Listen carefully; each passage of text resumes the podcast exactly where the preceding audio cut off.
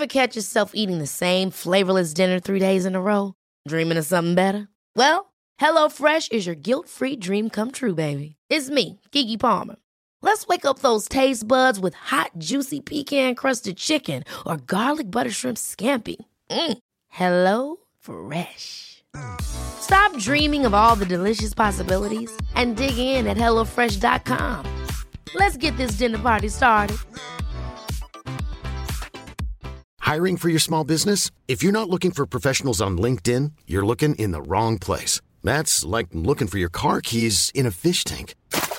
LinkedIn helps you hire professionals you can't find anywhere else, even those who aren't actively searching for a new job but might be open to the perfect role. In a given month, over 70% of LinkedIn users don't even visit other leading job sites. So start looking in the right place. With LinkedIn, you can hire professionals like a professional. Post your free job on linkedin.com slash people today. Hey, it's Ryan Reynolds, and I'm here with Keith, co-star of my upcoming film, If, only in theaters May 17th. Do you want to tell people the big news?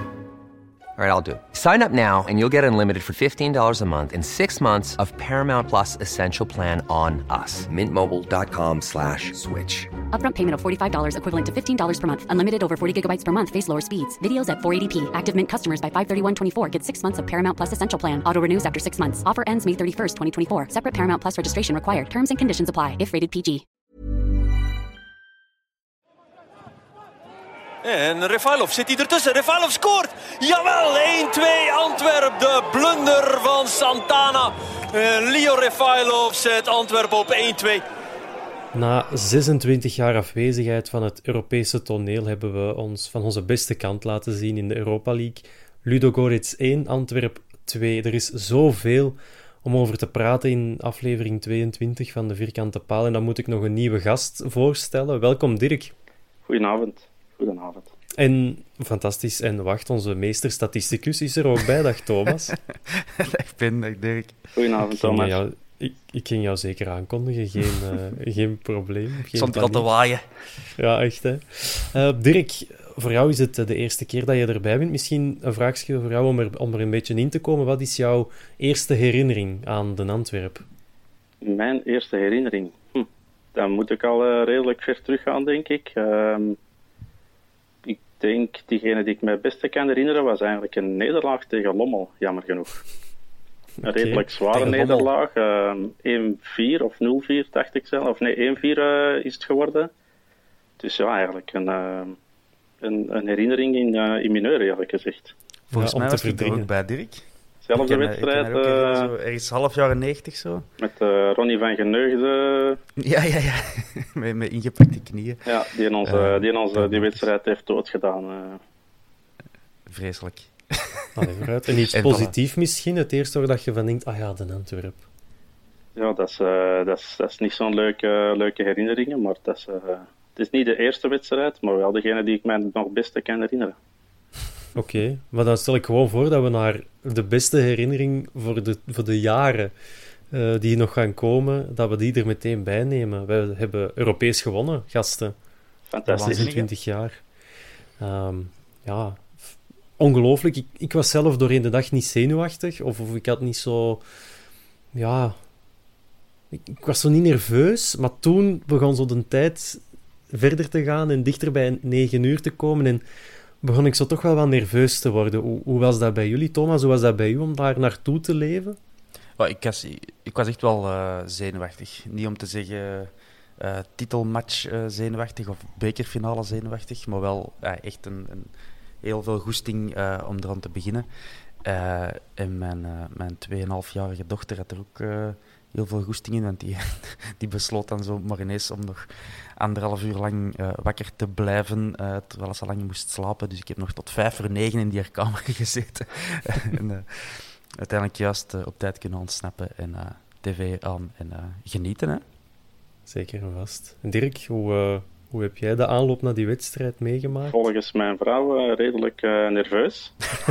dus ik heb ook uh, de living gezien vrijgemaakt rond half negen. Kinderen allemaal naar boven, vrouwen naar boven. Gezien allemaal weg, alleen voor een tv. En oh, serieus aftellen, toch dat laatste half uur. Ja, en dan, en dan was het uiteindelijk zover. En wat aan mij het meeste echt heeft gecharmeerd, die eerste 20 minuten, Mm. fenomenaal. Hoe goed waren die? Ik, ja, de, de kansen opsommen, dan zijn we weer vertrokken voor een paar minuten. Dat gaan we nu niet doen, maar wat was dat? Dat was toch, van, dat was toch ongelooflijk om te zien? Eh, ja, absoluut. Heel Ja, sterk het was, begin, eh, eh, heel sterk. Ja, ik, ik, heb, eh, ik heb uiteraard wat notities genomen en dit valt mij nu op dat ik na 12 minuten opschrijf dat, dat ik vond dat we redelijk laag stonden. Maar als je dan... Maar allee, ik kan me dat nog wel herinneren, ik vond wel dat wij redelijk hard terugplooiden. Dat er ook waarschijnlijk mee te maken met dat Mbokani er niet is en dat er nog een beetje, een beetje zoeken is naar, naar, die, eh, eh, ja, naar die, het voorbereiden op de tegenreactie, zal ik zeggen. Ehm, maar dan inderdaad, daarna vooral, hè, er zijn er echt een paar heel mooie kansen eh, geweest.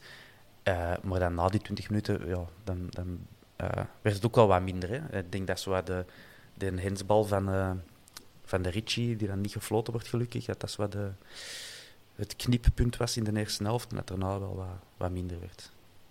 Ja, ja Dirk, die eerste 20 minuten, hoeveel hadden we eigenlijk moeten maken? Ik denk toch, toch twee zou het toch wel moeten hebben. Ik denk zeker de kans van, eh van Benavente, denk ik, redelijk snel op aangeven van Jutlerud. Was volgens mij toch al een, een ja, zo goed als gemaakt doelpunt. Ik denk een fit en Benavente, die, een, eh, die had hij in principe wel, eh, wel binnengelegd, denk ik. Ja. Je zegt, eh, heb je er nog eentje waar je van denkt, ja, die moest er ook echt ingaan? Ja, Dat schot van Refailov, dat de, het schat een inderdaad. hè, dag. Ja.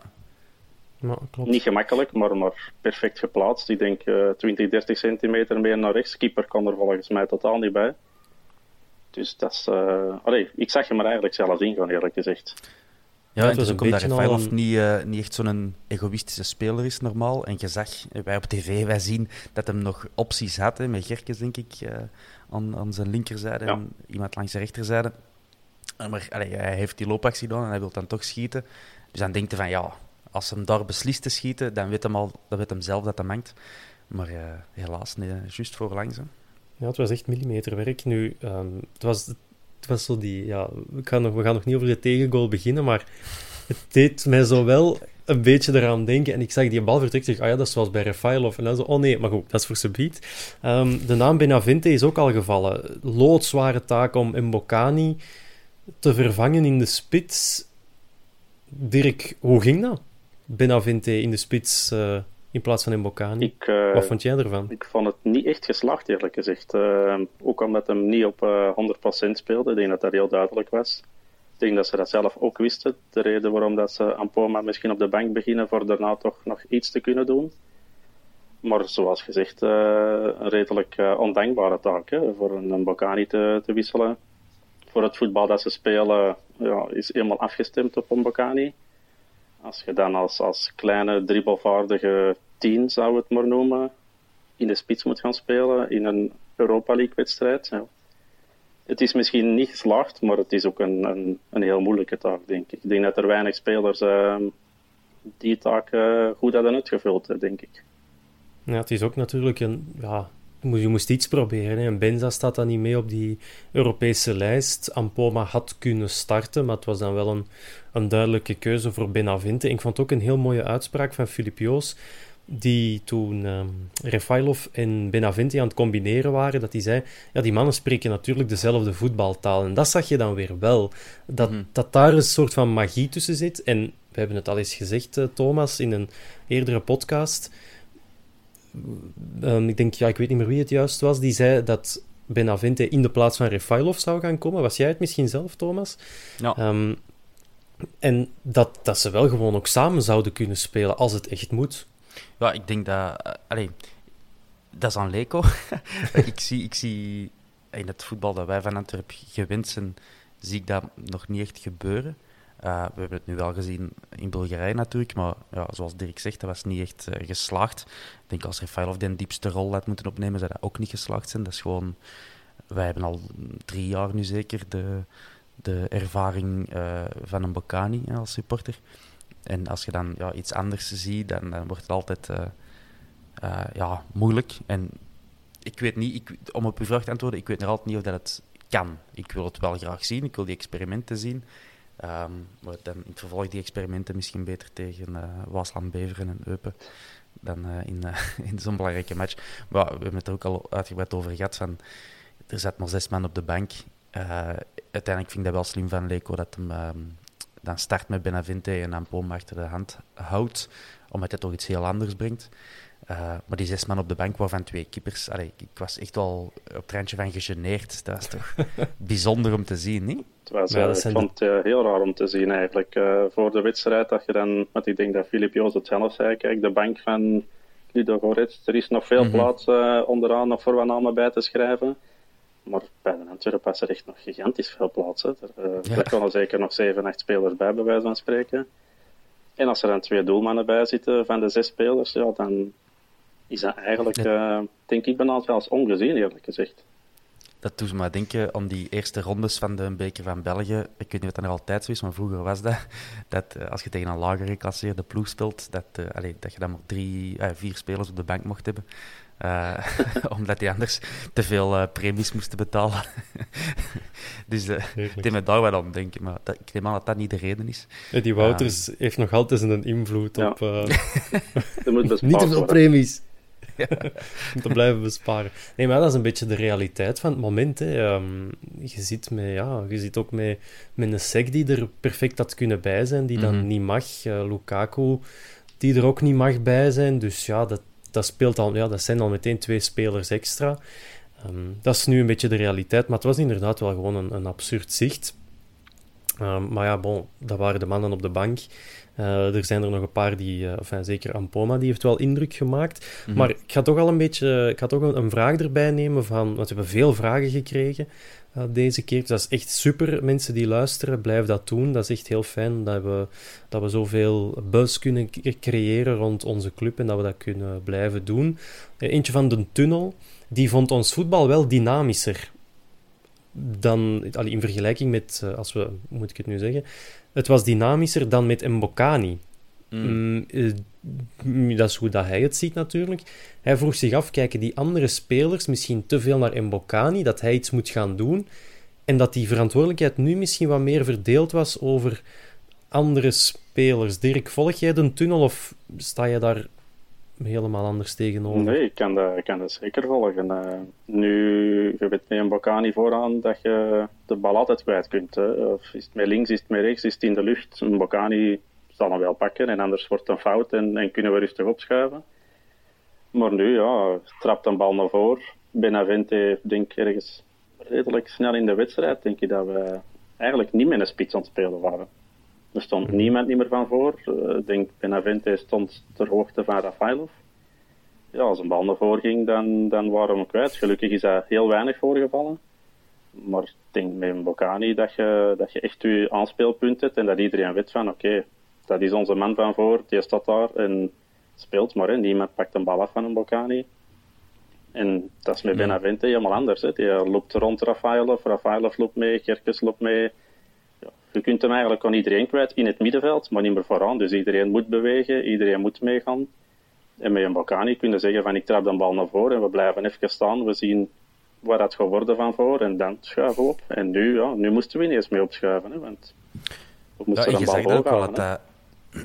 dat een, en uh, een Gerkes en die, allee, die, die vonden dat ook wel fijn, denk ik, om op deze manier eens te, te voetballen. Niet, um, niet per se afgeven en, en, en aansluiten bij een Bocani, maar meer zelf ook de, de diepte kunnen gaan, gaan opzoeken. Ik vond, uh, ja, het was echt verfrissend om te zien. Ik denk dat iedereen hetzelfde gevoel had. Ik heb vandaag ook nog met een paar Antwerpfans gesproken en die zeiden erom van, wat was dat zeg? Ja, want Ludo Goretz had er totaal geen antwoord op. Ik denk dat de opmerking in een van onze WhatsApp-groepen is gevallen dat er precies geen middenveld was bij die mannen. Dat was Mhm. een stuk van voor en een stuk van achter. En ja, daartussen kregen wij heel veel tijd en ruimte. Veel voorzetten, kansen, die eerste 20 minuten. Dus heel gek om dat te zien van toch een ploeg die ja, vaste klant is op het Europese toneel, ook de Bulgaarse competitie domineert. Maar dat zegt dan misschien ook wel iets over de staat van het Bulgaarse voetbal. En ja, ook de tijd van Dimitar Berbatov, die ligt ook al ver achter ons. Die is ook zelfs nooit op een, op een eindfase van een, een internationaal toernooi geraakt, denk ik. Als ik zo heel snel er iets bij halen. Een beetje het Ryan Giggs-fenomeen, maar die Ja. hebben dan nog allebei bij United gezeten. Dus ja, als je zo'n vedette niet hebt om je ploeg aan op te hangen, als dat dan uh, Kessero is, die dan nog op de bank moet starten ehm, voor Ludo Goretz, ja, dan denk ik dat dat was dat wel op- voetbal met een probleem zit. Dat was wel opvallend, dat die Roemeen uh, Kezeru ehm, niet startte, want in de competitie had hij wel gestart. En al wat goals gemaakt, dus misschien eh, had hij een, eh, iets voor gehad die week. Ehm, maar het heeft ons wel eh, goed gedaan, want als je ziet hoe dat wij in de laatste kwartier van de eerste helft gewoon drie keer op, op, eh, ik heb gezien, op zeven minuten tijd gewoon de bal aan een aanvaller van, van Ludo Goretz cadeau hebben gedaan. Zo. En hier, doe maar eens iets. Het was eerst uh, Batubinsika, dan uh, Miyoshi, dan uh, Hongla. nog ja. En dan denk ik, ey, mijn broek zakte echt wel af. Dat dat ene keer gebeurt, oké, okay, dat kan gebeuren. Op hoog niveau wilde niet dat zoiets gebeurt, maar ça va. De tweede keer, dan denk je toch van, kom on, dan zit de wakker. En dan de Hongla echt zo gewoon nog eens pff, diagonaal naar zijn eigen... Allee, ik denk dat het naar uh, Gelin bedoeld was. Maar, allee, ik weet niet wat ik over daar werd ik echt wel zot van. Net omdat je zo goed start en dan je wilt precies op achterstand komen. Uh. Dat ja, kan natuurlijk. Daar, daar zijn we goed in, dus wie weet, wie weet staat het er wel in. En dan ja, toch nog een fase die wel wel geleefd heeft op, op sociale media ook. En de uitzending van Extra Time maandag, die hebben het ook heel uitgebreid gehad over de hensballen op, of tijdens Standaard Club Brugge en in andere fases doorheen de competitie. Die hensbal van de laat. Dirk, wat vind jij? Penalty, ja of nee? Um, nee, zeker niet. En, en dat is volgens het reglement volledig correct dat de scheidsrechter niet heeft gefloten. Maar ik moet toch eerlijk zijn uh, dat ik toch wel bang was. Ik heb de laatste weken en maanden zoveel gezien qua hensballen die dat ze fluiten. Plots penalty, plots dan weer geen penalty. Ja, ik had zoiets... Wat gaan die Europese scheidsrechters doen? Hè? Want je kent enkel het Belgische niveau. Maar ik moet zeggen, ik had uh, schrik uh, dat, hem, uh, dat hem op de stip ging gaan. Maar er was ook geen VAR bij. Denk je dat er met een VAR een ander resultaat of een andere uitkomst had geweest? Dat die wel had gezegd, ga toch eens kijken en dat die dan wel op de stip ging? Ik weet niet in hoeverre dat ze, dat ze mee zijn met, uh, met de regels. Hier in België zou ik zeggen van, dat kan wel heel gevaarlijk worden. Maar, maar ja, de regels zijn nog niet correct toegepast. Maar ik, uh, is... ik, ik verschiet nog elke week van beslissingen. Dus ik had toch schrik van als we tegen grotere ploegen spelen, of eh, zeker vroeger naar, uh, naar Brugge Anderlecht standaard kijken. Als je daar zo'n penalty of zo'n hensbal krijgt in de baklijn, ja, dan, dan mocht, uh, mocht u je schoen opeten. Dan wist je van, uh, wat op de stip vandaag. Hè. Voetbalbondmafia. Voilà, en, en, en, nu had ik ook zoiets, oké, okay, dat is de eerste keer dat we op een, op een Europa League poelenfase terugzitten sinds 10, 20, 25 jaar. Ja, dan denk je van, oké, okay, je bent nu de kleine club, hij zal wel op de stip gaan. Maar blijkbaar kennen ze daar toch de regels al iets beter als, uh, als in België. Eerlijk gezegd, ik ken die... Allee, ik, ik shot al 30 jaar, maar die regels van handspel van 2020, ik ken ze nog altijd niet. Ik snap het nog altijd niet wat wel en wat niet handsbal is. Want het, in principe is het toch uit het silhouet van het lichaam. Dat was toch ja. een facet van de regels. Wel, dit was toch niet in het silhouet. Um, en Joost, die zei dan in zijn commentaar van ja, het is het ja, of zoiets. De ondersteunende arm. Ja. maar die was een, een, meter in de lucht, de hand. Dus ik, ja, ik snap er maar, niks van. Ik vind prima ja, dat geen penalty is. Je kunt je hand ook weer niet wegtoveren en ik... Het, ja, maar um, dat, dat, dat geldt niet meer, hè, Ben. Nee, maar inderdaad, inderdaad. En dat is een, een, een terecht... Uh, ja, dat is een terechte opmerking. Je moet kijken naar het reglement. En volgens mij zegt het reglement... Bal gaat op de stip. Uh, ondanks dat die via het lichaam en de grond tegen die arm komt, maar die arm moet daar eigenlijk niet zijn. Enfin, zwart.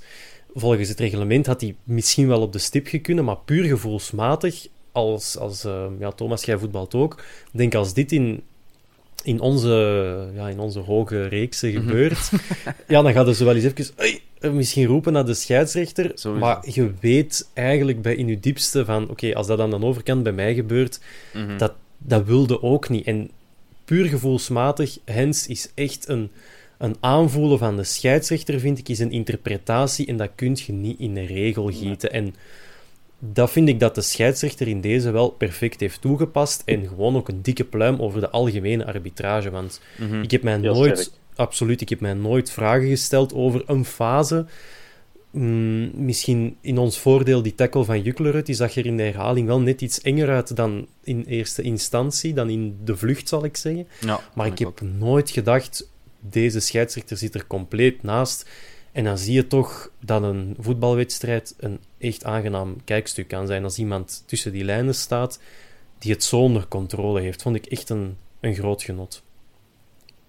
Ja, absoluut. En, en als ik de statistieken er toch even mag bijsturen, het viel daar er wel op dat wij wel weer veel, veel fouten hebben gemaakt. We zaten terug op ehm, eh, eerste en tweede jaar uh, Beleunie-niveau. Uh, even, even gaan loeren, 16 gemaakte fouten. Terwijl in de competitie de voorbije wedstrijd, de vor vorige wedstrijd ook op uh, Zulte Waregem, ook uh, mee, ik denk een vijftiental fouten. Maar ervoor eigenlijk uh, minder dan tien altijd. Maar dat mag jij, bedoel, zeker Europees. Uh, je moet, moet laten moet, voelen dat, ze, ik er zin in ben. Ja, dat is waar, dat hebben we vorige keer ook gezegd. Nu zijn we eigenlijk weer even heel, of, zijn we weer even bezig geweest over die eerste helft. En dan valt er eigenlijk weer iets te vertellen over die tweede helft. Meer bepaald minuut 1 van de tweede helft. Uh, Dirk, ik heb vernomen dat jij heel veel voetbalwedstrijden kijkt, dus jij gaat hier heel goed op kunnen antwoorden. Wat loopt er allemaal mis in die fase aan onze kant? Wat, wat doen we verkeerd? Uh, ik denk dat we sowieso veel te laat begonnen zijn. We hebben redelijk perfect in de eerste helft gespeeld. Buiten de laatste 6, 7 minuutjes je dat uh, het tempo een beetje naar beneden ging ik heb de coach van uh, Ludo Goretsk vlak voor de rust tegen zijn dugout zien staan zuchten en, en, en slecht gezind wezen zijn. Ja, die gewoon sowieso een uitbrander hebben gekregen. Onze spelers gaan volgens mij een dikke pluim hebben gekregen voor in de eerste helft. En ik denk dat daar een beetje het verschil zit. Dat we zoiets hebben van oké, okay, wij zijn goed bezig, we blijven dat rustig doen. En die andere jongens, ja, die gaan, die gaan er serieus ingevlogen zijn. En, en dat bleek ook, hè, de eerste 10 minuten van de tweede helft hebben we ons ja, redelijk laten doen, duels een beetje beginnen verliezen en ze laten komen. En, en ja, met de goal uh, heeft uh, volgens mij Richie de Laat hem iets te ver laten komen. Uh, hij, kreeg, hij kreeg redelijk veel ruimte en allee, knap, knap afgewerkt vandaar, want Rafael heeft dezelfde kans ongeveer gekregen. Maar ja, dan is de vraag weer, waar ligt de fout? Ligt ze bij Richie de Laat of, of volgens veel mensen bij, bij Buté weer opnieuw? Hè? Ja, Thomas, wat denk jij, Buté in de fout gegaan. Jens, oh, Jens VH, zijn familienaam, die weet ik niet op Twitter, die had het ook aan ons gevraagd. Was het een fout van Buté? Gaat hij in de fout? Thomas, hoe kijk jij daarnaar? Ik weet dat niet. Dat Dylan zou hier zeker een heel goede mening over gehad hebben als uh, ex-doelman. Um, ik, ik, denk dat de laat nog iets meer in de fout gaat. Uh, met hem, als ik het mij goed herinner, ik heb de beelden niet meer in detail teruggekeken, maar dat hem eigenlijk met zijn verkeerde voet aan het, uh, aan het verdedigen is. Um, omdat hem ja, zo aan het meelopen is uh, en, en er naar links moet gaan, maar eigenlijk is hem nog met zijn rechts aan het verdedigen. En gaat dan door zijn benen. En dan ja, voor, een keeper was dat verrassend. Het was al verrassend voor de laat dat hij schoot. En dan Buté zag je moeilijk aankomen, denk ik. Ik denk in zo'n fases is het um, voor het, uh, het publiek beter als een keeper duikt en er niet ja. aangeraakt, dan dat hem gewoon blijft staan. Want dan denkt hij... Ja, hij ging op zijn knieën. Hij doet zelfs geen moeite. Ja, hij zakte gewoon al door zijn knieën. En ja, dat kan ook een beetje zijn, hem niet zien komen, hem niet verwachten ook, dat schot. Hoewel, mm -hmm. op de rand van de 16 had dat wel gemogen. En ook ik ben ex-doelman, dus ik mag, oh, ook daar iets, ja, ik mag daar ook iets aan toevoegen. En ik had, ik ons... had meer zo'n alvlugge winger in u gezien. Uh. Uh, nee, ja, nu ben ik uh, omgeschoold tot winger. En ik doe dat daar niet slecht, ah, als ik het zelf, maar... hey, nee, ik, heb er, ik heb daar, ik heb daar ja, duidelijk, duidelijk. Kennersoog. Maar dan, ja, je moet altijd los op je type staan. Dat, dat hebben alle keeperstrainers tegen mij gezegd. En ik denk op dat moment dat Buté met zijn voeten plat op de grond stond, niet los om te reageren. En dan ga je op je knieën en dan, ja, die bal dwarrelt perfect in het hoekje binnen. Dus een blunder zeker niet. Maar voor mij mag het wel stoppen dat elke tegengoal die we krijgen, dat Buté daar, dat die dat aangesmeerd krijgt. Dat mm. ben ik een beetje, ja, dat hoeft voor mij ook niet. We moeten er wel achter blijven staan achter onze keeper. En oké, okay, het is, um, het is, het is uh, toogpraat in café Facebook die dat er natuurlijk heel gemakkelijk wordt uh, verspreid. Maar ja, ik zou ermee stoppen, want niet elke tegengoal is een fout van Buté. Dan, dan mag je die, allee, die kentering uh, mogen we wel eens Het zijn ook zeker geen blunders. Hè? Bedoel, ze kunnen misschien nog eventueel zeggen van hij had meer moeite kunnen doen, maar, maar hij blundert momenteel helemaal niet, vind ik. Dus het is te gemakkelijk om te zeggen uh, hij gaat iedere keer in de fout. Dus, uh, een beetje te, te extreem, denk ik. Ja, dus als we een tip kunnen geven aan de Jean, gewoon duiken, ook al weet je niet aangerokt.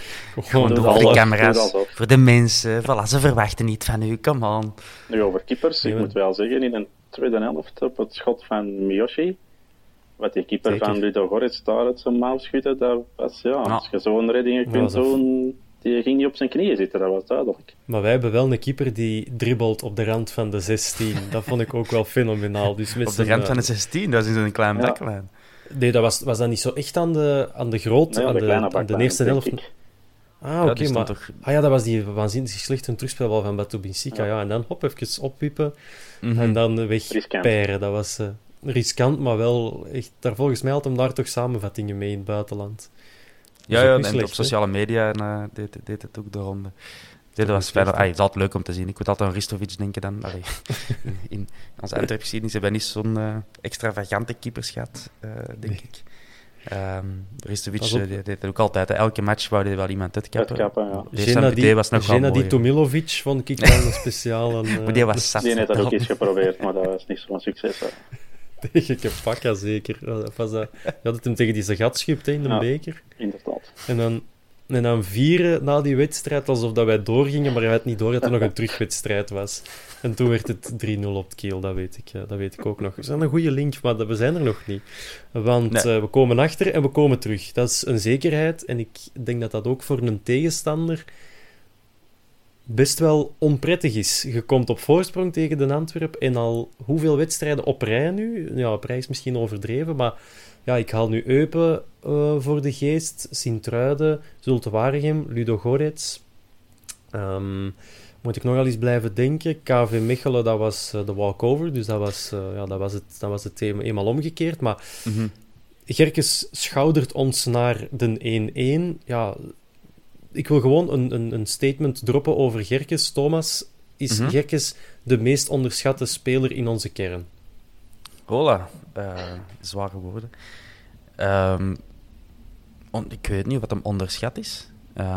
Die, die, hij vervult wel een rol en een functie die niet zo in het oog springt bij de mensen. Ik denk dat, wij hebben het er vaak over, maar wij zijn natuurlijk ook echt rasechte kenners. Uh, als een werk, uh, um, wanneer het een bal niet heeft, dat dat super belangrijk is, ook in, in dit systeem zeker. Onderschat, ik weet het niet. Um, ik, hoor mensen toch vaak wel positief over hem praten. Dus misschien hebben we echt gewoon een kennerspubliek. Dat kan ook. Sowieso. Waarom... Als je ik weet niet wat hem onderschat is, maar ja. uh, misschien in België, maar voor, voor Antwerp-fans niet, denk ik. Vind ik een goed antwoord. Um, als Anderlecht Vlap in Heerenveen koopt voor, wat was het, 5 miljoen, denk ik. En die zien nu Pieter Gerkes spelen. Uh, ja, wat, wat, moeten die dan denken, Dirk, in het Astridpark? Ja, ik denk niet dat dat de eerste vreemde beslissing is er aan de licht maakt. Hè. We hebben het met Bogani uh, ook al gezien. Ze hebben dan, denk ik, Sané toen nog gekocht voor uh, eh, 8 miljoen. Ja, ik denk dat ze daar de, de laatste weken en maanden en jaren uh, serieus rond nevenslagen zijn Ginderrechter. Uh. Maar ze beseffen het zelf, hè, nu ze gaan beginnen volleyballen. Ja, ze hebben, ze hebben een nieuwe coach gevonden die wat kan helpen met de volleybalregels. Misschien dat ze een andere sport proberen, dat dan wel. Maar dat is, uh, ik denk dat die, ja, als ze dat zien, en ik denk dan er ligt supporters, die hebben hem ook altijd het gefloten, Gerkes ja, dan stelden wij de vraag, is terecht dat je die uitflet? Of, of ligt het dan aan de club, of aan, aan de manier van spelen, of aan de coach, of aan iets anders? Maar voordat je een speler begint uit te fluiten, ja, dan moet je eens twee minuten nadenken natuurlijk. Hè. Ik zal even voortgaan met uh, nog Ludogorets. Want ik maakte mij wel zorgen na die 1-0. Je kunt wel zeggen van, oh ja, we komen terug. Maar die, uh, die Braziliaan, uh, een van hun Brazilianen, die ja. Kauli, of hoe dat ook uitspringt, die uh, heeft dan nog eigenlijk drie uur redelijk goede kansen. Schoten voor langs en een keer Boutet die moet redden op een kwartier. Dus we zijn al voorbij het uur. Uh, en pas dan komen wij terug op gang eigenlijk. Hè. Maar de, dat, dat, eerste kwartier van de tweede helft had ik toch al een beetje het gevoel van... Ah, oei, dat wordt moeilijk. Maar ja. ik heb nooit echt het gevoel gehad dat Ludo Gorets de ploeg was die ik er in mijn hoofd van had gemaakt. Hmm. Toch niet. Um, de eerste helft inderdaad, dat slotkwartier, wij kunnen ook een, geen 45 minuten, dat helse tempo van die eerste 20, 25 minuten volhouden, dat, dat, dat kan ook niet. Dat kan misschien alleen Liverpool. ehm, met hun gegenpress dat zij spelen. Maar ja, die komen dan goed uit de kleedkamer. Die goal geeft u vleugels. Maar toch zit daar dan een soort van rust in die ploeg van dat te overleven. Mhm. En dat je dan het commando toch weer overneemt, vind ik toch wel fenomenaal. Dat dat, dat, dat ineens... Dat we zo'n ploeg hebben. Ik had dat niet verwacht. Ik denk weinig mensen. eh, ik, denk, ik denk dat veel mensen eh, momenteel aan het twijfelen zijn van hoe sterk was onze tegenstander eigenlijk. Ik hoor vandaag zeggen, oh, middenmoot 1A, misschien zelfs 1B. Dan zeggen, ja, maar die spelen al jaren Europa League, Champions League. Maar dat gaven ze ook niet, niet, niet prijs, vond ik. Dus ik, Nee, vind- exact. allee, ik denk zo... Ik ben benieuwd wat ze de volgende wedstrijd gaan doen. Blijft deze Ja, het niveau natuurlijk- dat ze halen? Of, of kunnen ze echt wel Hmm. beter en hebben wij het niet gezien? Of waren we misschien zelf Ludo goed? Goretz bedoel je, of wij? Ludo Goretz tegen Linz of wij tegen Tottenham? Wie gaat zijn niveau moeten aanhouden? Ludo Goretz, denk ik. eh, als Ja. die tegen Linz ook eh 2-3-0 verliezen en ook een, een dramatische wedstrijd spelen, ja, dan hadden we er misschien allemaal toch meer schrik van dan nodig. Maar ik Hm. betwijfel of dat deze eigenlijk hun echte niveau was, eerlijk gezegd. Ik vond ze heel zwak exact. spelen. Ja. We mogen niet te hard van stapel lopen na één Europese match in eh, Jawel. 100 jaar. We doen niet aan nuance, Thomas. Dat is waar, dat is gezegd. Dat is, dat is onze slogan. Als, als wij deze nuance. niveau tegen Tottenham halen, dan, dan zal het al heel goed zijn. Maar dat is denk ik toch een... eh, als je dan die drie fases dat Thomas er straks zei, als je Hmm. die terugspeelballen gaat spelen, dan denk je dat er toch twee van de drie en tegen de netten liggen. Ja, want Ja. eh, laat het ons daar ook even over hebben in plaats van eh, altijd eh, bloemetjes boven te halen. Eh, nu de bloembak. Eh, verdedigend is er toch soms echt nog wel werk. aan. Gelin, ik zie hem wel... Allee, qua passing, hij kan heel snel een precieze paas geven, wat ons enorm helpt in ons voetbal. Maar laat die niet alsjeblieft 30 Koppen. meter spurten tegen een aanvaller, want amai, eh, Ja. dat gaat niet vooruit. Hè? Dat hebben ze ook gezien. eh, overal in alle, Ja. in alle samen, eh, samenvattingen, niet, of in alle scoutingsrapporten van tegenstanders, dat ja, de van de rapste is hem niet. Maar misschien is het een valse tragen en zijn die anderen gewoon zo rap. Ja, dat kan, hè. Dat hij daardoor trager lijkt. Is dat de definitie van de vaste trager? Ja, ik weet, ja, De anderen zijn rapper. Ja, Dan die zijn gewoon een trager. maar hij liep... Ja, oké, hij liep er nog wel naast en hij werd er wat ingehaald, maar eh, ja.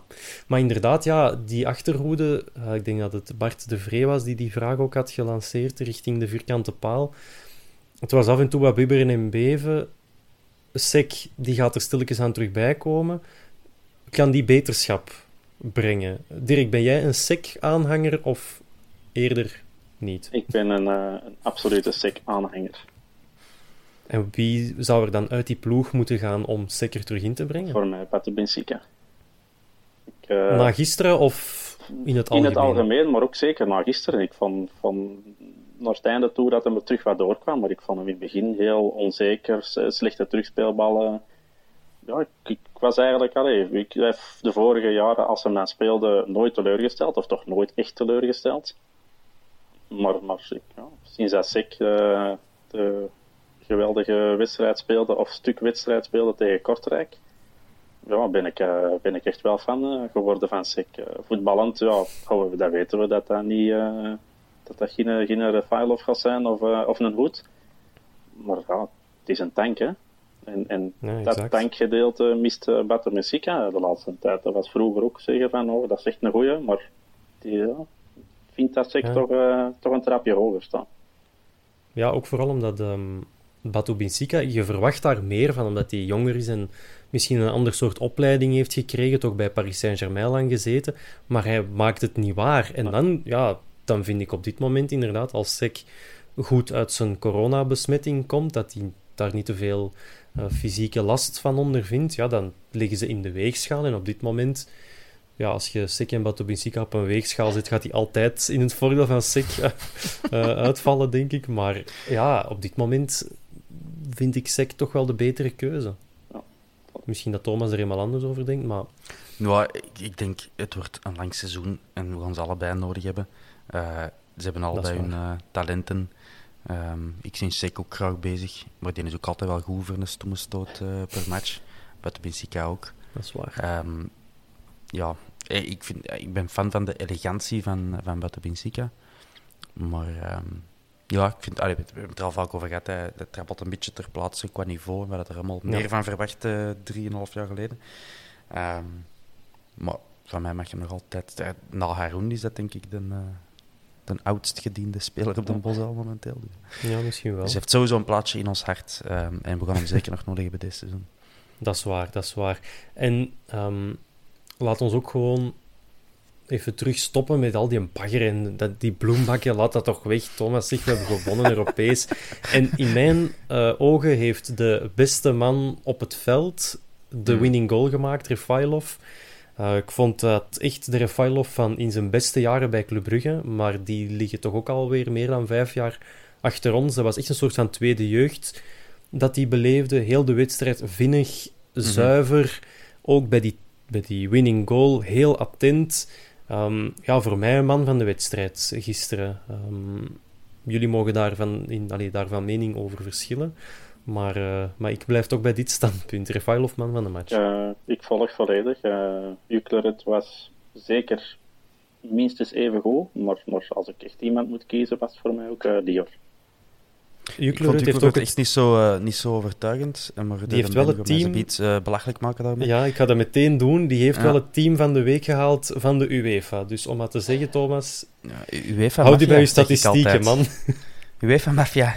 Dat zit allemaal in de zak van de Noorse voetbalbond. Ja, dat kan. Uh, de, ik vond Ampoma ook wel heel goed uh, invallen. Dat is, dat is geen, uh, geen controversiële mening. Maar het valt wel op. Hij valt in in de 59ste minuut. En uh, in een 63ste minuut maken wij de 1-1. En dan ja, nog tien minuutjes later 1-2. Um, ja, Ampoma deed ongeveer hetzelfde tegen Zulte. Invallen en het verschil maken. Um, dus lekker hoor. Ja, zeker. Het ziet, er, het ziet er goed uit. We hebben iedereen nodig. Zo, we smijten er nog een cliché tegenaan. Um, en zeker een, een goede Ampoma. Die heeft uh, echt wel punten gescoord en indruk gemaakt. Dat, uh, dat, was, uh, dat staat vast. En voordat we nog even teruggaan naar Bulgarije, uh, met z'n allen, de shirts hebben ook wel indruk gemaakt, blijkbaar. Ja. Die waren de moeite. Zijn die te ja. koop? nog niet, denk ik. Maar als we naar hard genoeg zagen, misschien wel. Uh, dus het was maar met één sponsor op en de nummers mm-hmm. zagen er een, de rugnummers zagen er een beetje anders uit en het viel in de smaak ja, dat is, blijkbaar. Dat is een stuk uh, strakker, uh, vind ik, op deze manier. Allee, ik vind onze shirts zoals ze zijn in de Belgische competitie ook, ook de moeite. met onze vrienden van Heile Vastgoed achteraan. Maar ik denk dat inderdaad dat dat UEFA-regels zijn, dat er enkel vooraan een sponsor mag staan. Um, maar dat, ja, dat gaf dan allemaal wel een beetje een, een strakkere indruk, dus... I liked it. Van mij mag dat uh, te koop worden aangeboden. En dan natuurlijk ook zo met dat, dat embleempje. Ja, ja, ja. Oh, lekker. Ja, ja voilà. de, dat wil ik wel. De regels van hands managen, dat kunnen ze van de FIFA en de UEFA niet. Maar de regels voor de truikens, daar zijn ze, al, daar zijn ze toch al goed in. Uh, ja, qua marketing moet ze niks leren. Nee, dat is waar, dat is waar. Ik had het gezegd, we gaan nog een keer terug naar, uh, naar Bulgarije om ons Europese hoofdstuk af te sluiten. Want we hadden een mannetje ter plaatse, de Hans Red Magic, en die uh, wilde nog iets uh, vertellen aan ons. Hans, the floor is all yours. Yo gasten, het is de Hans hier nog eens. Ik zit in Sofia. We gaan naar huis na een geweldige trip. En wat voor een trip, hè. Gewoon onze eerste drie punten in de poolfase van de Europa League. Fenomenaal was het. Met heel veel geluk zijn we uiteindelijk binnengerokt. Uh, dankzij een paar helden uit Breschaat. Ik noem ze altijd lachend de Breschaat Boys. Maar uh, Mats, Jeff, Seppe en Stefanie Golle zijn helden. Echte helden om dat te regelen. Geweldige trip gehad met een Gino in de Wim. Ik heb veel vragen gehad hoe dat een Gino was op de match. Maar gewoon het allemaal verkeerd beeld van de mensen. Die is rustig in een hoekje gaan zien. Juist bij de goal van Refailov stond hem even recht om uh, een applausje te geven. Maar voor de rest gedraagt hij zijn eigen voorbeeldig in een stadion gelijk dat we gewoon zijn van hem. Hè. En ja, het was, het was echt een geweldige trip. Heel blij dat we de club hebben kunnen zien spelen. Uiteindelijk was er een man of 15 van de Antwerp. Dus uh, maar misschien dat we er uh, nog wel eens een keer op terugkomen. Hè. Yo mannen, doe dat nog goed. Zalig verhaal. Ja. Hij klonk moe. Ja, zeker. Was denk dat er, uh, Dat er geen bier meer door de kranen in uh, Sofia in Bulgarije stroomt, want dat dat allemaal uh, verdeeld is onder die 15 mannen van een Antwerp. Ja, het is wel... Ja, er is wel wat gebeurd, denk ik. Want we, ik heb een foto gezien op sociale media ook met een Antwerp-vaandeltje op een, een, een een Bulgaars café in Razgrad dan. Ja. En uh, er is blijkbaar ook een, uh, een Belgische supportersclub van Ludo Gorets uh, gesignaleerd. Waanzin. Het is allemaal bijzondere Hoe dingen erbij? Meegemaakt zijn door maar 15 man. Dus we kunnen allemaal stik jaloers zijn. Ja. Nu, ik, ga, ik heb er toch mij af en toe de bedenking bij gemaakt van of dat, dat nu wel zo slim was om in deze gevoelige tijden zo'n zo'n trip te ondernemen. Het verhaal is wel fantastisch natuurlijk en super dat ze zijn binnengeraakt. En ik hoop vooral dat ze alle 15 gezond en wel mogen terugkeren. En uh, mm -hmm. dat is denk ik nog het, uh, het voornaamste goed. Dan, dan zet ik nu mijn kap van Tante Nonneke af. Uh, we zijn terug in België. En er ligt weer heel veel voor ons. Um, om niet te zeggen, nog vijf wedstrijden op tweeënhalve week zeker. Dus dat hebben we zo nog zeker mm. voor de boeg. Maar zondag een wedstrijd tegen het nummer drie in het klassement. Dat is niemand minder dan Beerschot, want dat is nu een, dat is nu een naam. Ze hebben er al een paar gehad. Um, ja, een paar zo. Zullen we, zullen we maar zeggen. Um, ja, die wedstrijd. Staat die volledig op zichzelf of neem je toch iets mee van donderdag in ons geval? Um, Dirk, wat, wat kunnen we meenemen richting de wedstrijd van zondag, zowel negatief als positief? Positief, ja, sowieso het resultaat. Beter met een overwinning uh, van Ginder komen dan, uh, dan met, met 2-0 te verliezen Ginder. nog positieve zaak, denk ik de manier van, van voetballen. ze blijven goed voetballen, blijven van achterstanden terugkomen in de wedstrijd. als je 1-0 achterkomt, niks gebeurt blijkbaar tegenwoordig. maar de, ja, de negatieve dingen, het, het, het gevaarlijk terugspelen, de vermoeidheid, die waarschijnlijk ook voor sommigen, Rafaelov, die het niet altijd gemakkelijk zal hebben zoveel wedstrijden te spelen. Gelukkig gaat Mbakani nu aan rust, dus die, mhm. die gaat wel normaal 100% fit zijn. Maar ik denk, uh, ja, ik weet niet of het echt een voordeel of een nadeel is. Uh. Als je de, die... de, statistieken, Thomas gaat dat misschien veel beter weten. Na de Europa League wedstrijden of Champions League wedstrijden, ja, dan, dan volgen er regelmatig nederlagen, onverwachte nederlagen. Ja. Het is ook natuurlijk, het is ook natuurlijk uh, opnieuw in een leeg stadion. Dat kan een nadeel zijn. Nu, voor mij is het wel goed dat het een wedstrijd als deze is. En ja, voor mij is de wedstrijd tegen Beerschot wel echt een derby. En daar hangt wel belang aan. Dus liever zo'n wedstrijd dan dat je naar een leeg, uh, een leeg Moeskroen, leeg Canonier of naar de Keerweg moet in Eupen. Uh, liever dat je dan, al is het in een leeg stadion thuis tegen Beerschot speelt, dan dat je zo'n andere wedstrijd voorgeschoteld krijgt.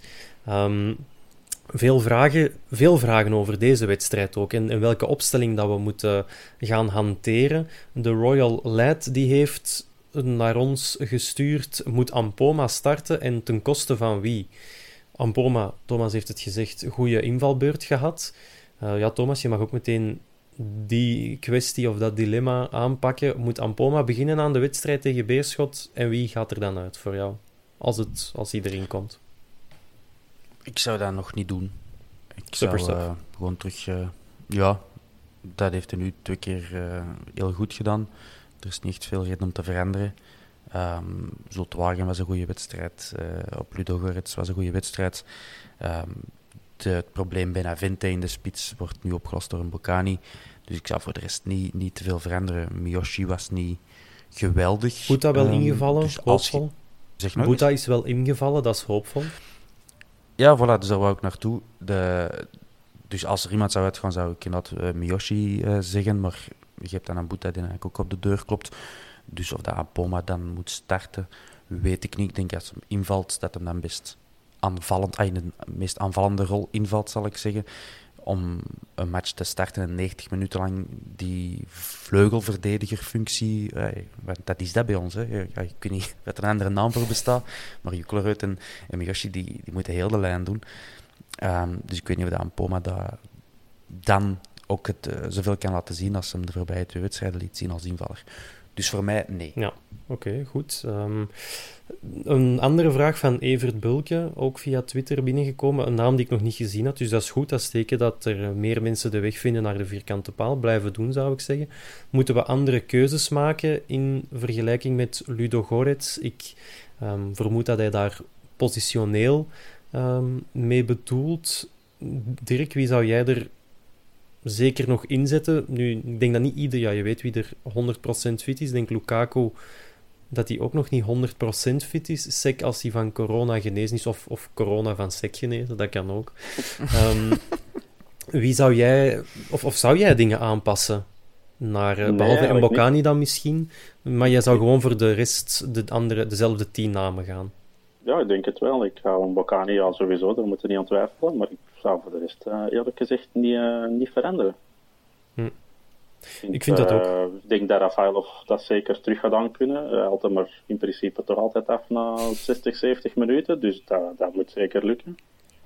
En ja, ik, zou, ook... zoals Thomas zegt, ook, uh, ook aan Poma niet, uh, niet laten starten. ik denk dat je zo iemand op de bank hebt zitten, en die hoeft er zeker niet altijd te zitten, maar ik denk dat je zo iemand kunt inbrengen nadat Miyoshi of Boeta ze hebben afgemat, dan denk ik dat, dat Poma zeker nog, nog iets extra kan brengen. Ja, absoluut. En ik, in mijn geval, ik ben zeker voorstander van ja, never change winning team. En hier ben ik weer met mijn voetbalmanager. Dat is zo'n beetje mijn dingetje. Ook daar, hè, als je daar te veel spelers gaat wisselen, dan verliest je ploeg. Dat moet je niet doen. En als je wisselt, is het echt mannetje per mannetje, als in positie per positie. Geen systemen gaan omgooien omdat dat beter past voor de een of de ander. Nee, wij gaan in plaats van Benavente en Bocani erin zetten. Daar gaan ze bij de Beerschot heel veel last van hebben of mee hebben. En um, nee, voor gewoon de ploeg die in de flow zit, laten staan. Dat is, dat is mijn gedachte. En ik denk dat we daar, uh, ja, gezien de keuzes die we hier net hebben toegelicht, dat we, die, ja, dat we daar allemaal wel achter staan. Dus uh, als onze Twitter-feed gaat overspoeld worden met kwade reacties van nee, het moet helemaal anders, dat is goed. Dat er beweging is, dat hebben we graag. Dat er verschillende meningen zijn. Um, het is natuurlijk een beetje een speciale wedstrijd, omdat we tegen een ploeg spelen die we ja, al heel lang niet meer zijn tegengekomen. En dan kijk ik heel graag naar onze meester statisticus. Ja, nu, nu, nu, komen we, nu komen we aan de, de crux van deze uitzending. Absoluut. We hebben opgebouwd... Tegen welke ploeg spelen we We hebben feitelijk? opgebouwd naar een hoogtepunt. Tegen welke ploeg is het? Is het een derby? Thomas, overtuig ons. E, misschien is het een derby voor u, ja of nee? Uh, ja. Oké. Okay. Steek van wal. Tegen wie spelen we? um, ja, gewoon om het in te leiden. Dat is typisch in zo'n, week voor een derby dan. En ook toen het nog maar halve derbies waren. Er wordt altijd ongeveer, ongelooflijk veel uh, opgeklopt. Um, en vroeger konden wij heel gemakkelijk zeggen van... Ja, ja, het is allemaal goed, maar het is de echte beerschot niet meer. En ik hoor nu ook nog heel veel Antwerp-fans dat zeggen. En dan heb ik slecht nieuws, want eigenlijk is het wel terug de oude Beerschot. Ah. ja, we hebben altijd, of ik het toch, op café um, het stemnummerverhaal verdedigd. En terecht, want dat is de, in het Belgisch voetbal de enige rechte lijn die je kunt volgen in de geschiedenis van clubs. Um, en toen hadden wij altijd gelijk, want zij zeiden dat ze Beerschot waren, maar je zag heel duidelijk aan de geschiedenis van een stemnummer dat die allee, wel degelijk uh, in het Veldwijkpark hebben gespeeld. En daar, uh, weet ik wel, je kent het verhaal. Uh, en idem dito met Wilrijk. Maar die hebben in 2019 natuurlijk gewoon beslist om Wilrijk buiten te bonjouren. Niemand was daardoor verrast natuurlijk. en, um, en, zich, en stamnummer 13 uh, toe te eigenen opnieuw. En voilà. Zij hebben dus ook het palmares en de geschiedenis van nummer 13. Dus vandaag, uh, niet vandaag, maar dit weekend, is het de eerste echte stadsderby sinds 1991. Alsjeblieft. Vreemd, maar het is zo. En wat staat er op het palmares van Beerschot? Het oude Beerschot, ja, allez, daar vindt een kat haar jongen niet in terug. want als je, als je de officiële website van die, van die club mocht geloven, dan, dan, pff, dan hebben die van alles gewonnen met verschillende clubs en is dat allemaal van hun. Maar uh, als je het palmares van het oude Beerschot bekijkt, uh, mooi palmares hoor, zeven titels, maar de laatste was in 38, denk ik. Dus sindsdien hebben wij er nog twee titels uh, bij gedaan natuurlijk. Uh, wij zijn maar op vier gestrand tot dusver. Uh, en die hebben ook twee bekers op hun palmares, het oude Beerschot. Um, en ook nog voordat wij in 92 en in 2020 nog twee bekers erbij hebben gewonnen. Dus eigenlijk de recente geschiedenis is in ons, is ons voordeel. Niet moeilijk als je als club 30 jaar in een coma ligt. Ehm, maar als je dus gaat kijken op die website, en nu wordt het gewoon helemaal bizar, die, dat is een parallel universum waar gaan inbelandt, want het nu blijkt, volgens hun eigen geschiedenis, die ze uh, met enige creativiteit en veel drugs hebben, hebben opgeschreven, dat die, ja, die, dat die dus nog een beker hebben begonnen in 2005. Aha, maar Dirk, ik weet niet, waar, leefde jij in 2005? Ik, ik wel. En volgens mij was dat Germinal Beerschot. En, en met nummer 35, 30. En dat is onmogelijk dat dat dan ook van nummer 13 is. Dat kun je niet kopen. Hè. Dat Palmares, dat is, dat is bij het een of bij ander.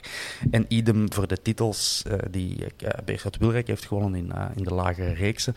Daar pakken ze er allemaal bij. Daar pakken ze er gewoon allemaal bij. Maar dat is, dat is zo bijzonder, omdat dat een, een logische onmogelijkheid is. Als je uh, de, de beker van Germinal Beerschot erbij pakt, ja, dan moeten ook die van Germinal Eker erbij pakken in 97. En dat doen ze dan weer ah, niet. Dus uh, wat de fuck, wat gebeurt daar veel, allemaal? Ja, veel dubbele, dubbele standaarden een beetje. Ja, dat is gek. Dat is gek. Um. Allee, dat is niet gek, want we weten, iedereen die in de stad woont en, en Beerschotters onder zijn uh, verre vrienden of familie heeft, die, die heeft die riedeltjes al zo vaak gehoord but it makes no sense. Het is wel het een of het dus- andere natuurlijk. Um, je kan niet van alle clubs die je, waarmee je in zee gaat, dan heb ik het nog heel mooi verwoord. kan je niet al die in, uh, al die in, uh, ja. moet ik zeggen, al die in historiek meenemen. Dan, nee, dat, dat is wel ergens een keuze. En inderdaad, wat je zegt, het is de keuze van het stamnummer. En ja, in dat opzicht is het wel een echte derby. Um, maar puur qua gevoel, Dirk, wat is het voor jou Antwerp, Beerschot, Beerschot, Antwerp. Is het een derby, ja of nee? Ja, sowieso wel. Sowieso wel voor mij een derby. En, en ja, je kent ook heel veel, ofwel spelers van daar en, en vrienden die dat daarvoor supporteren, of, of ja, voor Germinaal supporteren, of voor Wilrijk supporteren, of voor een van die clubs supporteren.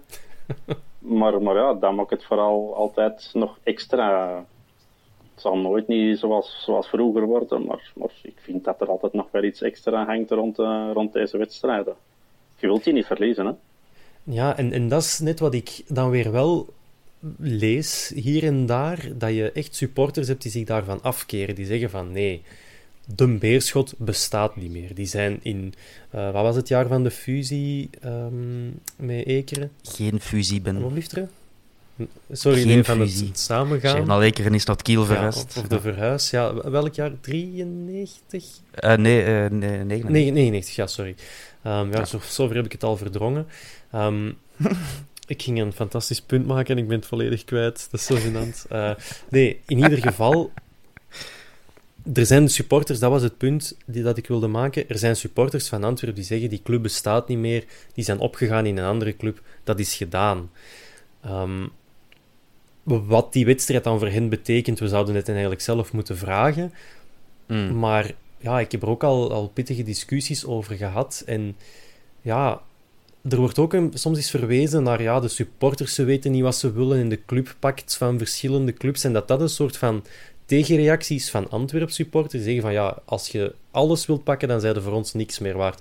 Zou het daar misschien vandaan kunnen komen? Ja, tuurlijk dat is, uh, dat is helemaal waaruit dat vandaan komt. Hè. Allee, en ik, ik, ik volg dus niet in, in wat je zegt van hè, de, de Antwerp-fans zeggen in 1999 um, was er een fusie, want dat is niet waar. Uh, dus het, dus uh, sindsdien bestaat het niet meer. Als, ik heb altijd de ratio gevolgd van, kijk, het, het, het, hangt van stamnummers af. En nu, ja, kijk, in 2019 hebben die stamnummer 13 terug overgenomen. Dus ik heb ook mijn kar moeten draaien mhm. in discussies met, met Beerschot-fans. Het is nu terug Beerschot, daar kan ik niet omheen. Het is zo. Maar dat wil niet zeggen, wat ik de rest al zei, dat je dus alles, al hetgeen wat er de voorbije uh, wat is het, 28 jaar gebeurd is, dat maar gewoon even kunt meepakken terug. Nee, al ja, er is een gat in de tijd door dat bizarre uh, verhaal of mogelijkheid van de bond, hè, dat ze uh, nog maar een paar jaar bestaat, dat je dus een stamnummer kunt terugkopen uh, aan een laag, uh, laag tarief. Een vriendenprijs. Maar in ieder geval, wat je, wat je aanhaalde, nee, het feit dat ze er allemaal alles maar wat bij nemen, dat is, dat is inderdaad voor mij wel de, de oorzaak dat, dat, dat het niet meer hetzelfde is, dat het anders is. We zitten ondertussen, by the way, aan de, de tiende naam voor uh, voor een club, allez, voor die club die op de kiel speelt, hè, om het kort te zeggen, die hebben al tien keer hun naam moeten veranderen. Ja, wij, tien, wij spelen in onze reeks, en die naam kunnen ze dus niet meer opeisen tegen... Wij spelen tegen Racing Kiel.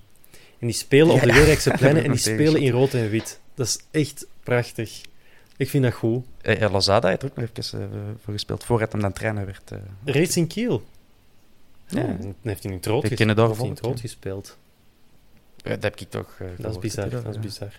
Uh, nee, ik, ik, in de vrije tijd wel verspild. Ik volg, ja. wel, ik volg wel wat dat jij zegt, maar ja, je zou het helemaal kunnen opentrekken. In die zin, voor mij gaat het ook een stuk beerschot over dat dat nog altijd dezelfde supporters zijn. Die meelopen met ja, de clubs waar, dat, waar dat, dat bestuur naartoe gaat. En dat is waarschijnlijk ga ik nu heel veel. Ja, wacht Thomas. Ga ik nu heel veel niet-vrienden maken.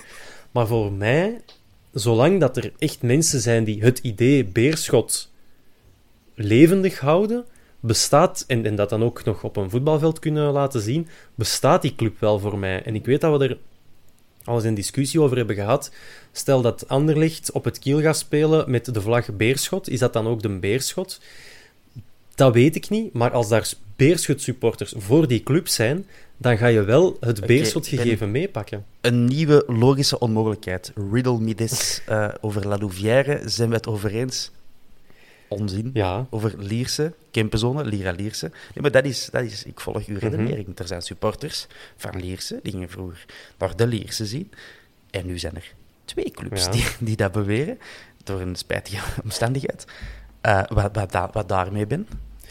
Ik denk dat, dat, ja, maar ik denk dat de Dirk is heel geanimeerd aan het kijken trouwens. Dus dat, ik die mag fascinerend, echt fascinerend. ja, de Dirk is er popcorn mee. Die mag, die mag zo ook zeker zijn, uh, ja, zijn zegje erover doen. Maar ik, ik, stel, ik heb mij de vraag gesteld deze week, stel het gebeurt bij ons. Of het had gebeurd, want het had zomaar gekunnen in 2000, mm -hmm. ja, midden, ja, tweede, midden jaren 2010 hebben wij er ook heel slecht voor gestaan. En stel dat op dat moment dat wij, um, ja, wie, hadden we toen? Gunther Hofman zijn vragen zeker, dat die uh, uitpakken en zeggen: het geld is op. Um, wij kunnen wel een doorstart maken in derde klasse samen met Capelle. Wat zou er dan gebeuren met onze supporters? Ga je dan hebben dat er 4.000, 5.000 mensen meegaan naar, ik zal het nu Antwerp Capelle noemen, en dat wij dan Capelle er stilletjes aan afrijden en dat wij op de, in de nationale reeks terug verder gaan? Of heb je dan ja, misschien die-hard supporters of mensen die daar niet mee akkoord zijn, die dan in vierde provinciale met stam nummer 1 terug beginnen zoals Beveren het gedaan heeft. Ja, dan valt uw club uiteen in twee verschillende supportersclans. Mm. En ja, dan ben ik misschien heel naïef om te denken, maar de grootste gaat dan wel gelijk hebben. En dat is heel kortzichtig, want ja, je kunt zeggen dat is dat stam nummer 1.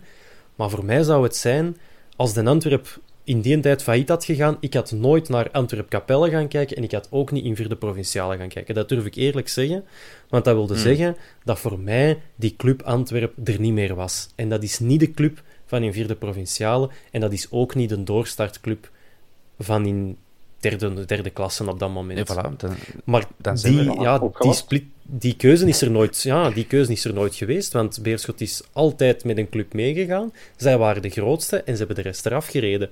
Maar dat zijn wel nog altijd diezelfde supporters van in 99 en van in 2015. en... ik, zal, ik zal terugkaatsen. Stel dat het had gebeurd op Antwerpen en je, moet, je bent failliet en je verhuist naar Capelle, of Capelle verhuist naar een bos al, beter gezegd. Want zo is dat daar ook gegaan ga jij dan, hè, stel dat je dan toch beslist om, om naar die club te gaan zien, en zou jij dan op café tegen je maat te zeggen, oh ja, wij zijn de Antwerpen en wij hebben vier titels en uh, drie bekers nou op ons kas? Nee? En is van Capelle ook nog? Je hebt ooit even in tweede klas gespeeld. en al die titels van Capelle. Voor de rest sympathiek clubje, maar allee, ja, dat is Capelle. Nee. Ik bedoel, dat is letterlijk... Uh, in het Belgisch voetbal, die stemnummers heeft voor- en nadeel, maar het voordeel is dat je echt zwart op wit kunt zien, dat is de, de enige lijn. Mm -hmm dat, weten we niet. In stambomen hebben dat nodig. Ja, natuurlijk weten we dat wel. Ja, je weet niet hoe, dat, we gaan hoe dan een supporter zou reageren. Ah, nee, nee, sorry, dat weet ik niet. Nee, wel, maar als je er nu over nadenkt, dan denk je toch van, ah nee, dat ga ik niet zeggen, want dat zou absurd zijn. Ah, wel, maar dat is wat 28 jaar lang met twee clubs ja. uh, hebben gedaan op de kiel. Dus allee, ja, vergeef me dat ik dat niet nog mega serieus kan nemen dan op de Oké, terecht. Dirk, uh, we hebben jou even... Uh... Genegeerd Zo Sorry, wil ik het niet zeggen. Je mocht er altijd tussen komen. Hoe- Ja, hoe kijk jij naar wat dat wij hier allemaal zeggen? Goh, eigenlijk, eigenlijk niet. Interesseert me eigenlijk ook niet. Dirk has tuned out. Nee, ik, vind, allee, ik ken, ken heel veel supporters ervan. En, en het grappige is ook, er zijn er drie of vier echt afgehaakt, die echt niet meer gaan kijken. En, en dan heb je zo vijf, zes man die nog wel eh, gaan kijken en, en gewoon naar de voetbal. En dan heb je zo een, andere supporters die, ja, die, die, die blijven bij hoog en bij laag volledig beerschot en er is niks gebeurd. Hè. Hebben Germinal nooit niet bestaan, Wilrijk niet bestaan, dat is nog altijd de beerschot. Hè. Dus ja, die hebben hun eigen ook in drie gesplitst. Eh, we gaan niet meer. We, we- we gaan gewoon om te kijken. En, en we blijven in de fantasiewereld dat, dat er niks gebeurd is. Hè? Ja. Dus ja, ik, wie heeft er gelijk? Ik, ik zou persoonlijk ook kiezen voor het, het stopt. Of ik kan misschien nog kijken voor te kijken. Maar ik kan me niet voorstellen dat je, dat je zo fanatiek gaat blijven. Want er is toch iets gebroken, denk ik dan. Allee. Ik wil het mij ook niet voorstellen, maar ik, ik Ja. denk dat voor mij dan toch grotendeels gaat stoppen, eerlijk gezegd. Ja. Nee, dat vind ik mooi gezegd, Dirk. Je ziet, al die, die stilte, dat heeft toch wijsheid gebracht. Hè? Dat gekibbel, Hij heeft even kunnen dat nadenken. gekibbel van Thomas en mezelf, eh, dat heeft plaatsgemaakt voor wijze woorden. Waarvoor dank je, Dirk? Eh, wel, maar we gaan eh, over naar waar iedereen op zit te wachten, namelijk de naakte De statistieken naakte cijfers. over, over deze match. Van, van, Ik het welke heel bondig dan? houden. Ah, wel, voilà. Dus ik zat daar met een, eh, een raadsel. Allee, uiteindelijk is het, is het snel eh, gefixt. Hè. Dus ik ben uiteraard dan eh, gaan kijken naar eh, ehm, ja, de Stam club nummer waar we 13. tegen spelen. Tegen stam nummer 13. Voilà. Dus eh, er zijn al 221 van die derbies geweest. Ook een heel aantal vriendschappelijk, toen het dan nog kon. En ik wou dat het terug kon in de zomer met, pa eh, met Pasen was dat vroeger. hè. Paastoernooi, eh Antwerpse derbies en tegen buitenlandse clubs. Geweldig. Ehm, maar dus ja, er zijn al 221 echte stadsderbies gespeeld. Wij hebben er eh, 97 van gewonnen en 78 verloren. Ehm, en aangezien dat we dan ja, er niet echt dieper op kunnen ingaan, want dat is lang geleden. eh, Zeg dat niks. is niet zo relevant niet meer. Ehm, dus ben ik terug gaan kijken naar ehm, ja, wat, het, eh, wat dat wij hebben gedaan de voorbije matchen. En dat weten we allemaal. 23 matchen ondertussen al op de Bosel ongeslagen. Ehm, van onze laatste zes matchen, dus inclusief eh, Ludo Goretz, hebben wij een 16 op 18 gehaald. Dat klinkt eh, zeer mooi. Eh, dus 13 op 15 in de competitie. En in de competitie ook gemiddeld drie goals per match in onze laatste vijf matchen. Ehm, eh, van het huidige Beerschot, dus van dit seizoen, dit seizoen kan ik dus wel makkelijk over praten.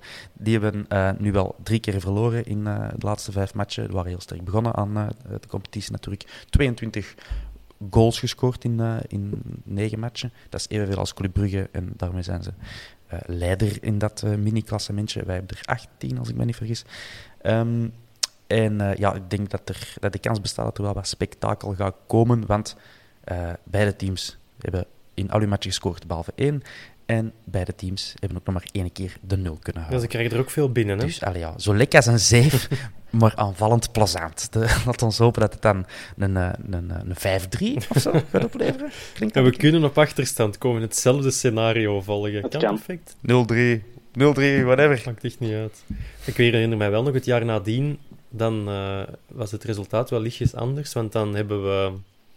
Dan kregen we er ook eh 1, 2, 3. Dat was eh Koreman, denk ik, en eh Victors waarschijnlijk. Die hebben er toen zo een paar getrapt. En toen werd het 0-4 en toen, ja, toen wisten we dat het niet meer ging gebeuren. Dus dat willen we, Antwerp 0-4. ja, Eh, dat willen we wel vermijden. Drie keer op rij, Brugge standaard en, eh en. Ja. Ik heb twee van die matchen gezien, was- denk ik. En dat waren Ja. ook de laatste dat seizoen dat ik heb Dat was gezien. echt heel pijnlijk. Ehm, Ja. Niet meer aan terugdenken. Ehm, nee, oké, dus ja, lichtjes in het voordeel. Het is natuurlijk lang geleden dat we elkaar eh, gezien hebben op het veld, Antwerpen en Beerschot. Maar hier is er consensus. Het is een derby, maar ze moeten wel een lijn trekken in eh, welke, welk palmares dat ze opeisen.